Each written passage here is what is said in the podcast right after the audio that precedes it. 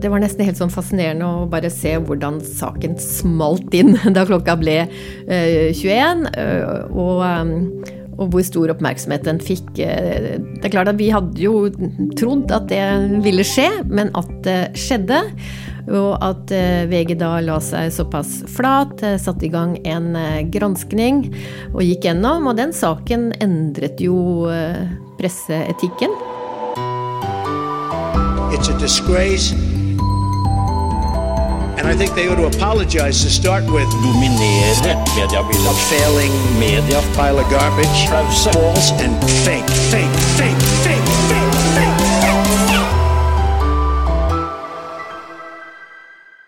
Du har kanskje sett henne direkte fra gatene i Paris, der hun har navigert seg gjennom opptøyer og gateslagsmål.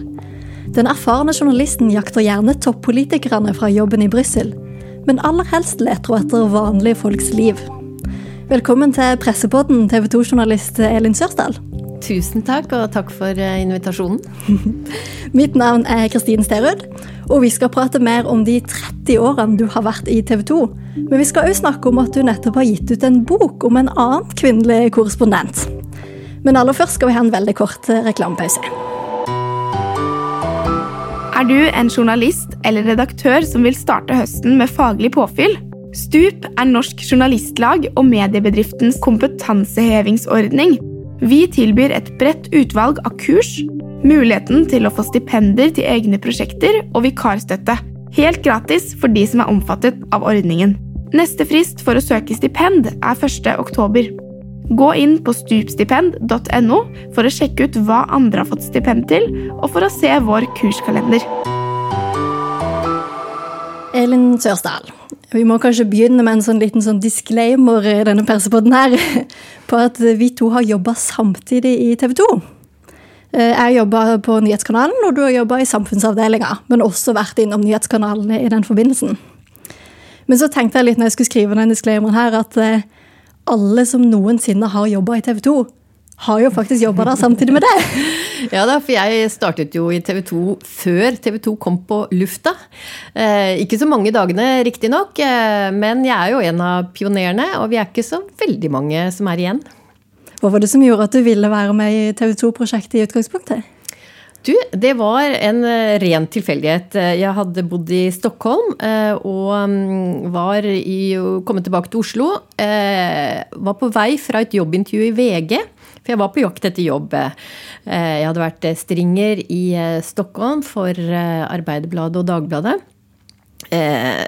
Og da jeg var da på vei fra dette jobbintervjuet, så møtte jeg en tidligere sjef fra NRK, Ida Dybvik, eh, som eh, hadde begynt i TV 2. Og så sa hun ah, 'hva gjør du nå'? Eh, Nei, jeg, er egentlig på jakt etter jobb. Ja, bli med opp i redaksjonen. Vi trenger noen flere journalister før vi starter opp å sende. Ja, så var jeg med opp i redaksjonen, og jeg var nok inne på et slags jobbintervju, men det var jo nærmest bare å skrive under eh, kontrakten. Alt var ganske uformelt i TV 2 den gangen. Eh, Så sånn havnet jeg i TV 2. Jeg hadde aldri hatt noe ønske om å jobbe i TV. Jeg var i utgangspunktet en skrivende journalist. Jeg hadde jobbet i radio. eh, Og har eh, selv, ikke den dag i dag, eh, eh, noe ønske om å være på TV for, eh, for å være på TV. Eh, Jeg vil være journalist, eh, og om det er på, i TV eller på en annen plattform, det, det er det samme for meg. Det er det samme for deg, men det har jo blitt eh, 30 år her, da. Det har det, øh, og mye av grunnen til det er jo at øh, jeg har jo vært veldig mye utenlands for TV 2, og jeg har jo sjelden gjort det samme i TV 2 mer enn tre år av gangen. Så jeg har stadig skiftet øh, jobber, øh, enten inn og ut av, landet, eller i ulike lederjobber, eller så har jeg vært øh, vanlig utøvende journalist. Jeg lagde meg en liten liste her som er sånn eh, forbehold om at det er noen feil her. Men du har vært leder bl.a. for samfunnsavdelinga i TV 2. Du har vært litt nyhetsanker, du er politisk journalist, og jeg husker du har jobba veldig tett på norske politikere. Mens nå er du en slags sånn korrespondentstilling eller europareporterstilling eh, fra Brussel. Um, hvilken del er det du har likt best? Nei, jeg liker jo veldig godt å være journalist. eh, Vanlig journalist. Eh, Jeg har jo vært, det er tredje gangen jeg er eh, europareporter for TV 2 med base i Brussel. Jeg jobbet eh, fire år som stringer for TV 2 i USA. Eh, Og de eh, Altså, det å reise verden rundt Jeg har bokstavelig talt reist verden rundt for TV 2. Det er eh, helt eh, fantastisk. eh, og ja, jeg kan jo fortelle kanskje min lengste reise for TV 2. Da begynte jeg i New York. Jeg dro til Canada sammen med eh, Statoil, nåværende Equinor. Så ble det tsunami, jordskjelv i Japan. Reiste over Stillehavet eh, til, eh, til Japan og var der i eh, ja, nesten to uker. Fikk beskjed om å reise med et norsk fly som skulle evakuere nordmenn til Oslo, og var der og kom tilbake til New York igjen. Så da hadde jeg altså reist hele jordkloden rundt. Og jeg tror hele reisen tok omtrent sånn fire uker. Litt av en rundtur, for å si det sånn.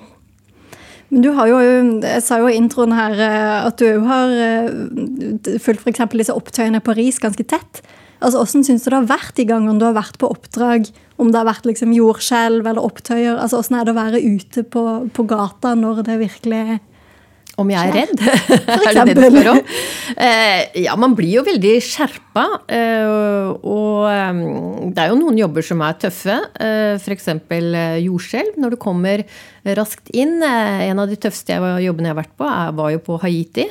eh, Hvor vi var veldig raskt inn. Eh, Leide fly sammen med en del amerikanske journalister. De store redaksjonene. Eh, og du kom, og det lå lik strødd i gatene. Da Det er klart, det, det er en påkjenning, men eh, jeg, er alltid forsiktig, eh, kan du si. Det er jo enkelte, mm, enkelte jobber som er farlige. eh, annet det å dekke opptøyer i forstedene i Paris, som er, er farlig. Men jeg har jo lært Jeg har jo vært på sånn kurs som utenriksjournalister eh, går på, og det gjelder å, å tilpasse seg eh, situasjonen eh, for å overleve. Eh, Så eh, ja, det er, det er mye tøffe tak, eh, men eh, så har jo TV 2 som andre redaksjoner også blitt veldig proffe på å følge opp eh, vi som er ute på tøffe oppdrag etterpå. Så hvis man vil, så, så kan man få den, den hjelpen man trenger. Har du hatt behov for det? Nei, jeg har ikke det. Ikke profesjonell hjelp. Men så er jo jeg da gift med en annen journalist, og mange ganger så er vi på de samme jobbene. Blant annet på Haiti. Og det betyr at eh, vi kan Vi bruker hverandre mm, for å avreagere. Eh, og vi kan snakke gjennom ting, for det er kanskje det tøffeste ved å, å være ute på den type oppdrag. At du kommer hjem, og så kanskje en partner eh, er, har en helt annen hverdag eh, og er opptatt av helt andre ting. Eh, som kan være vanskelig. Men, men vi snakker om, om det vi har opplevd. Og så begynte jeg jo Altså de tøffeste oppdragene jeg har hatt, da har jeg egentlig vært litt godt voksen, og det er jo også en fordel at du har vært ute en vinternatt før. Vi skal, si, vi skal snakke mer om mannen din etterpå, men ditt, eh, ditt andre ekteskap, TV 2 eh, Status hos, eh, hos din arbeidsgiver akkurat nå er jo ikke sånn superhyggelig. Det, dere fylte 30 år i fjor, og i år så er det da kommet beskjed om at dere skal kutte, og man anslår at det er opptil 400 millioner kroner som skal kuttes. Hvordan påvirker det din hverdag? Jeg har jo vært med på dette noen eh, ganger nå, eh, så jeg er vel egentlig ganske rolig. Eh, men jeg ser jo at det preger mange andre kolleger, spesielt yngre kolleger, kanskje de som har kommet sist inn, og som frykter eh, for jobbene sine. Nå ser det jo ut som om vi må gjennom en nedbemanning. Det er aldri hyggelig. Um, Men statistisk eh, sett eh, så nærmer jo jeg meg, eller jeg er jo i hvert fall inne i det siste tiåret hvor jeg skal være eh, fast ansatt og, og eh, yrkesaktiv eh, siden jeg fylte 60 for noen dager siden. Så, eh, så jeg tenker man må se på at enhver krise er en eh, mulighet. Eh, så får vi ta det etter hvert. Eh, nå så trives jeg kjempegodt med å jobbe og er superfornøyd for at jeg får lov til å jobbe ut ifra Brussel og henge rundt i Europa. Så, så jeg ser jo for meg at jeg skal jobbe noen år til. Ja, for De vil jo bl.a. tilby gavepensjon til de over 60 år, eller de som fylte 60 i år. Så du ja. skal ikke benytte deg av det? Jeg kommer til å vurdere det, i hvert fall. Det, så mye kan jeg jo si. Og det, det skylder vi jo sikkert bedriften også, siden de gir dette tilbudet. Eh, og så får man se om man svarer ja eller eh, nei. Eh, det kommer jo an på en totalvurdering av økonomi, hvilket liv man ønsker seg de siste årene av karrieren. Så nei, vi får, vi får se. Tiden vil vise. Se hva som skjer, som TV 2 eh, pleier å, pleide å si sjøl. Du har jo jobba med utallige saker eh, gjennom din karriere i TV 2. Men det er spesielt én av de jeg har litt lyst til å snakke litt ekstra om, fordi den handler så veldig om, om vår egen eh, journalistbransje, da. For du var jo med på å avsløre den her såkalte Bar Vulkan-saken. Hvor det var en kilde som mente seg feilsitert i, i VG. Fortell litt om, om hvordan dere kom i gang med, med, å se på det i det hele tatt. Ja, eh, Det var jo min kollega mm, Gerhard Helskog som eh, tok eh, kontakt med Sofie kvinnen som danser på denne videoen sammen med Trond Giske. Eh, fordi han jobbet med en, eh, en lengre reportasje om Trond Giske og ville gjerne høre hennes versjon. Og da kom dette fram. Men så er det jo sånn at vi er jo ofte gift med hverandre, vi journalister. Så Gerhard er gift med Hanne Skartveit, som er politisk redaktør i VG. Så han kunne ikke jobbe med saken. Han var inhabil. Så da var det tre av oss eh, som ble innkalt og mm, fikk denne saken. Og vi jobbet på helt vanlig journalistisk eh, måte. Eh, en kollega av meg og jeg, vi gjorde et veldig langt intervju med Sofie. og jeg gjorde mye TV-del. og mine to andre kolleger, også nett. Eh, og jeg husker jeg var på en jobb i Brussel da, uh, når vi sendte denne saken. Og det var nesten helt sånn fascinerende å bare se hvordan saken smalt inn da klokka ble 21. og, um, og hvor stor oppmerksomhet den fikk. Det er klart at Vi hadde jo trodd at det ville skje, men at det skjedde. Og at eh, VG da la seg såpass flat, eh, satte i gang en eh, granskning og gikk gjennom. Og den saken endret jo presseetikken.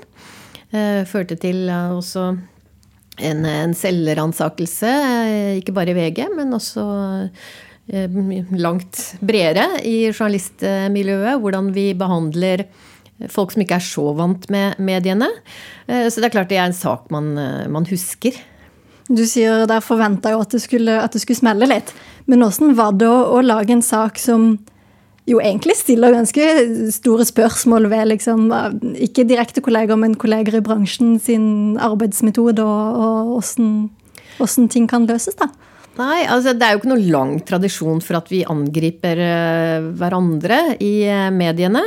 Uh, jeg følte vel at vi angrep egentlig mer VG som institusjon enn kanskje en enkelt, en enkelt journalist. og hvilke vurderinger som var gjort på Desk, bl.a., hvor også sjefredaktøren var involvert.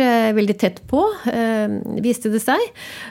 så um, det er klart det er, spesielt. Dette er mennesker du møter igjen. Eh, og så var det jo sånn at bare et eh, år etterpå så jobbet jo Nå i dag så jobber jeg jo sammen, eh, sammen med Lars Joakim Skarvøy, som var journalist på saken, og det er kjempefint.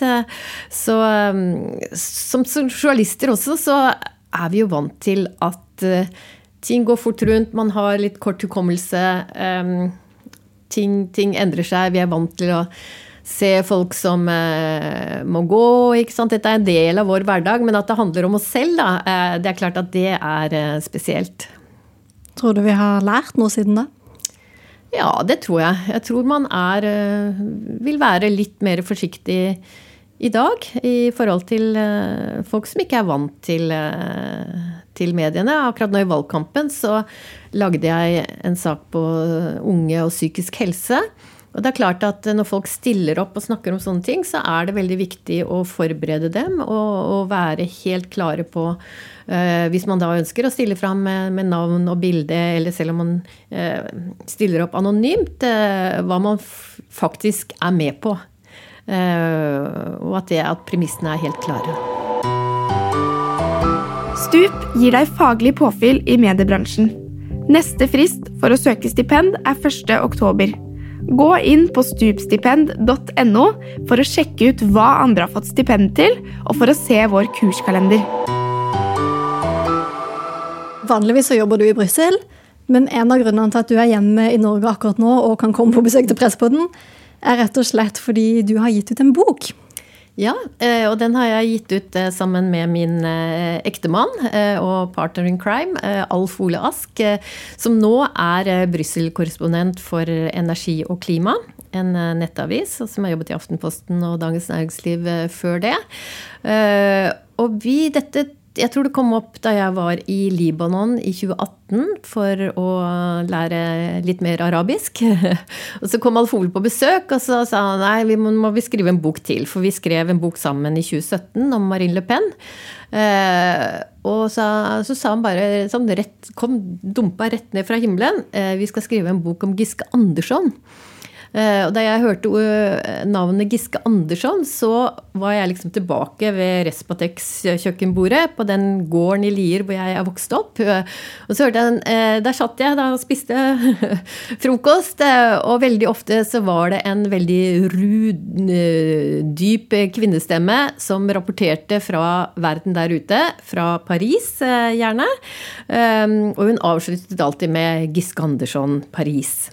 Eh, så det er en eh, kvinnelig journalist, en pioner innen eh, utenriksjournalistikken. Hun, var, hun ble etter hvert NRKs første kvinnelige korrespondent, faste kvinnelige korrespondent. Den yngste av alle korrespondentene. Hun har en fascinerende historie fra å være et løvetannbarn nærmest i en kunstnerfamilie i, her i Oslo, til å um, jobbe illegalt under eh, krigen, i den illegale pressen. Hun dro rett etter den andre verdenskrig til um, Paris og kom inn i et eh, bohemmiljø, som vi vil kalle det. Eh, kanskje det eh, litt sånn romantiske forholdet vi har til Paris, om det frie kunstnerlivet på kafeene, mm. og litt seksuell frihet. Og, um, og, hun ble bl.a. inspirasjonen og, og, den som sørget for at en av USAs viktigste forfattere, afro, afroamerikanske forfattere, slo igjennom. Mm, de ble nærmest et par. Selv om de kanskje ikke akkurat hadde et, et seksuelt forhold, så, så, ble de veldig nære. Uh, og hun, hun, er virkelig en personlighet som også ble en bakspiller i Arbeiderpartiet da hun etter hvert kom tilbake til, til Norge og endte opp som leder av Nobelkomiteen. Eh, vant bl.a. eh, datidens store journalistpris, Narvesen-prisen. Eh, så en imponerende dame, men også en ganske irriterende dame. og privat så fant hun kjærligheten etter hvert med Norges første kvinnelige ambassadør, Kirsten Ohm du, du, du, altså Dere har jo gått gjennom et helt liv her, men hva var det som gjorde at dere hadde lyst til å fortelle akkurat eh, hos sin historie? Hva var det som inspirerte dere til å starte med denne NRK-korrespondenten? Eh, egentlig så var det jo litt sånn blandingen av min eh, fascinasjon og kjennskap til Frankrike. Mm. og eh, Alf Oles kanskje enda større enn meg eh, fascinasjon for historie og norsk politikk. så de to sammen. samtidig så er jo også hennes liv en del av, av vårt liv, på en måte. Liksom hele hennes historie. Vi har også um, levd og, og bodd uh, mye i Frankrike og Brussel, fransktalende. Vi har også, uh, hun dro også til USA, var, jobbet der. Uh, så vi kjente oss egentlig også mye igjen, igjen i henne. Og hele vi, vi, ønsket også med boka, eller vi ønsker også med boka å fortelle litt etterkrigshistorie. Kanskje fordi hvis det er noen yngre som leser, som ikke måte, kjenner eh, norsk historie, europeisk historie, litt amerikansk historie etter andre verdenskrig. At vi liksom prøver å flette det inn i, eh, i boka. Eh, så det var egentlig et eh, perfekt eh, prosjekt. Eh, og jeg tror vi var begge enige om at det er veldig fint å skrive bøker om kvinner. Det har vi gjort nå to ganger sammen. Og at det kanskje er litt mer å ta når det gjelder kvinner. At de har et, et bredere spekter, på en måte. Og også fordi hun er en veldig dyktig journalist. Så, så ønsket vi å, å hedre henne, at hun trengte en biografi, rett og slett. Det er jo både altså Hun har et eh, langt liv og har skrevet en del sjøl, men hva slags dokumentasjon er det dere har funnet til, til deres bok om henne? Ja, Vi har jo aldri møtt henne, eh, så vi ante jo egentlig ikke helt hvordan eh, hun var. Vi visste jo ikke at hun var lesbisk. Men så mm, traff Alf Ole Tone Bratteli, som jobbet sammen med i, i Arbeiderbladet. Og så tipset hun om at dere må se på dødsannonsene. Så vi gravde fram dødsannonsene både for Kirsten og, og for Giske. Og der sto det noen navn. Og så nøstet vi oss fram til Erik, nevøen. Hun hadde en nevø og en niese som Eh, faktisk hadde tatt vare på eh, alle brev som hadde gått eh, fra Paris til deres bror, som hadde en veldig viktig rolle i Giskes liv og brev til moren. Og, de hadde et vare på Det var bærepose på bærepose som vi fikk tilgang til. Og den gangen så eh, kommuniserte man jo per brev. Det var jo ikke vanlig med telefon. Eh, eh, dette var jo lenge før internett. Kunne ikke skrive melding på Nei. Facebook, liksom. Så derfor så skrev man også veldig intimt om hva man opplevde, dagliglivet, utfordringer osv. Så, videre. så det har vært et unikt materiale. I tillegg så har jo da, siden hun endte sitt liv som leder av Nobelkomiteen, så er det 60 arkivbokser på Nobelinstituttet som vi også har fått eh, tilgang til. Eh, pluss en del andre arkiver. Så har vi nøstet Det er jo liksom vanlig sånn researcharbeid som man gjør som eh, journalist. Så det er jo også en veldig gøy del av det å skrive en sånn type bok. Åssen var det å skrive det sammen? Ja, Det har vi gjort før. Vi deler gjerne litt opp. Eh, men så skriver vi inn i hverandres manus osv., og, så og så går vi gjennom. Eh, men så, ja, det er jo noen litt sånne fighter eh, sånn Man må kritisere hverandres tekst osv. Og, så og Alf Ole er kanskje litt flinkere til å ta kritikk enn det jeg, jeg er. Så nei, det går stort sett greit. Ja, Flinkere til å ta kritikk enn det du er. Hvordan reagerer du? Nei, jeg kan jo liksom bli litt sånn lei meg. Det er off, nei, jeg syns ikke han det er fint det jeg har skrevet her, og Nei, nei, dette vil jeg ha beholde, og sånn, så Ja da. Men det, det går seg til. Dere er, dere er, fortsatt gift? Vi er fortsatt gift. Jeg tenkte på, Fordi jeg leste på baksida av denne boka, og nå siterer jeg, så står det som utenriksjournalist gjenfortalte Gitske Andersen ofte vanlige folks historier, også fra politiske konfliktområder. Kunne ikke denne setninga egentlig vært eh, om deg sjøl? Jo, eh, hun var jo forut for sin tid med å på en måte finne det vi i dag kaller case. da. Eh, vanlige folk. Hun var veldig opptatt av det. Samtidig så var hun jo også en lynende skarp politisk analytiker. Og, og klarte å kombinere disse to tingene. Og det er jo egentlig litt sånn mitt prosjekt også. At, og det er jo fordi man jobber i TV, så er hun nødt til å ha noe som man kan filme. Eh, men, men, uansett så, så, er det jo eh, best når man eh, finner noen mennesker, noen konsekvenseksperter, som man kan fortelle historien gjennom. Det, det bestreber ja, ikke bare meg, men jeg tror veldig mange utenriksjournalister i dag. Men, men det var ikke så vanlig på hennes tid. Blir det flere bøker fra det og din ektemann? Ja, det skal jeg ikke utelukke. Men eh, det tar nok litt tid før vi setter i gang med et eh, nytt prosjekt. Det tar jo veldig lang tid. Vi begynte jo på denne boka her i 2019. Så kom eh, pandemien, og så hadde vi jo egentlig ikke tenkt å flytte til Brussel. Men, men, sånn ble det nå. Så det er i hvert fall supert å ha fått den ut.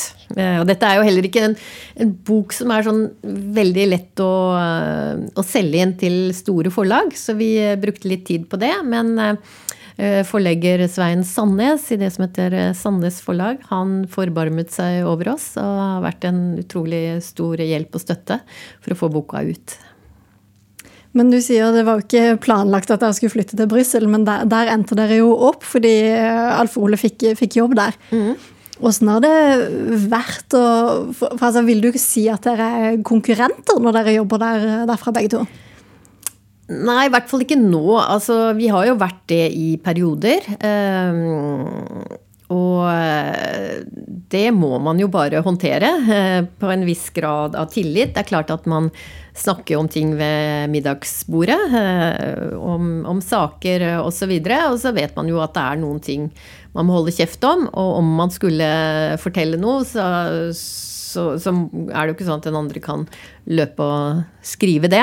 Eh, så det er et tillitsforhold. Eh, og så i de første årene så var jo TV og Alf Ole som var skrivende, veldig forskjellig. Man jobbet på veldig forskjellige måter. I dag så har jo dette sklidd sammen. Det er jo det samme om du jobber for TV eller, eller er skrivende, så, så gjør de jo samme jobben. og og vi skriver jo nå vel så mye som vi lager TV. Eh, så jeg må si det har gått eh, veldig, veldig greit. Hvor lenge skal dere være i Brussel? Ja, det blir i hvert fall eh, et år. Alf Ole, da, han har jo jobb der en stund til.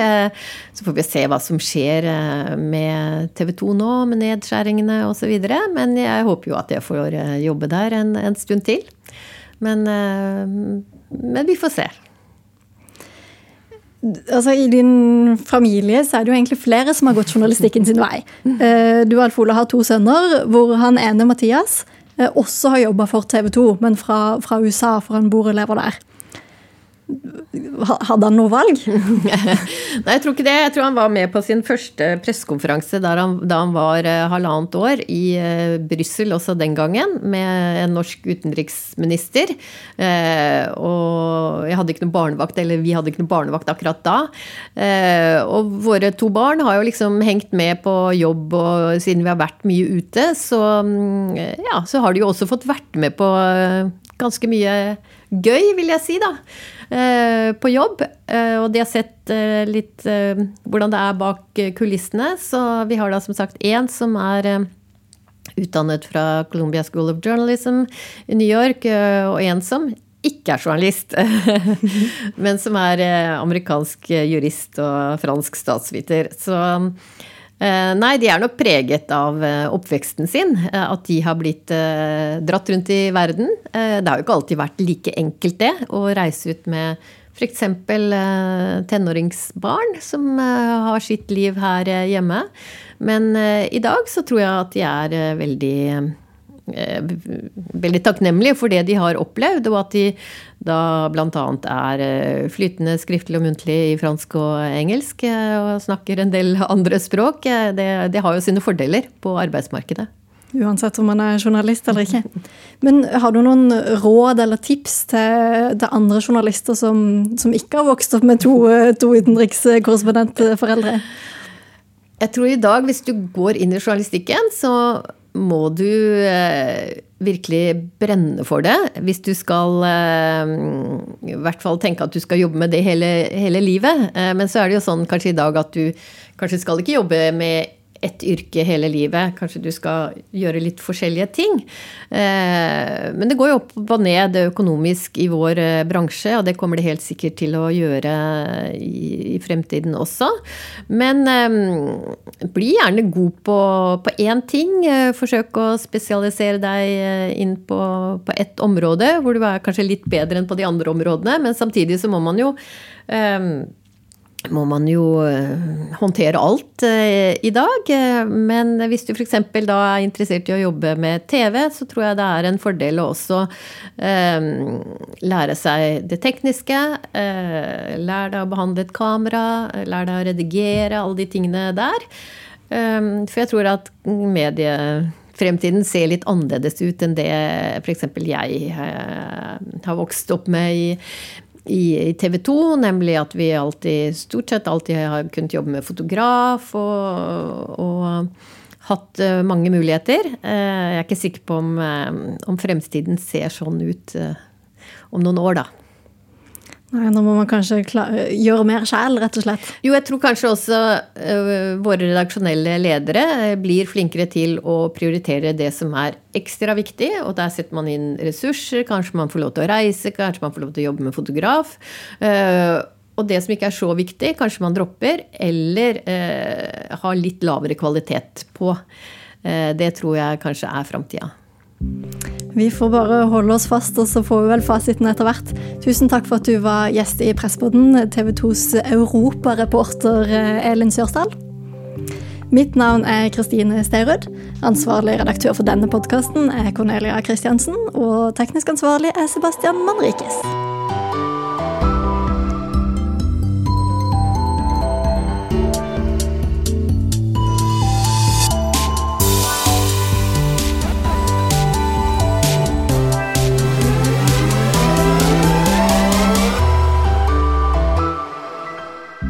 Stup gir deg faglig påfyll i mediebransjen.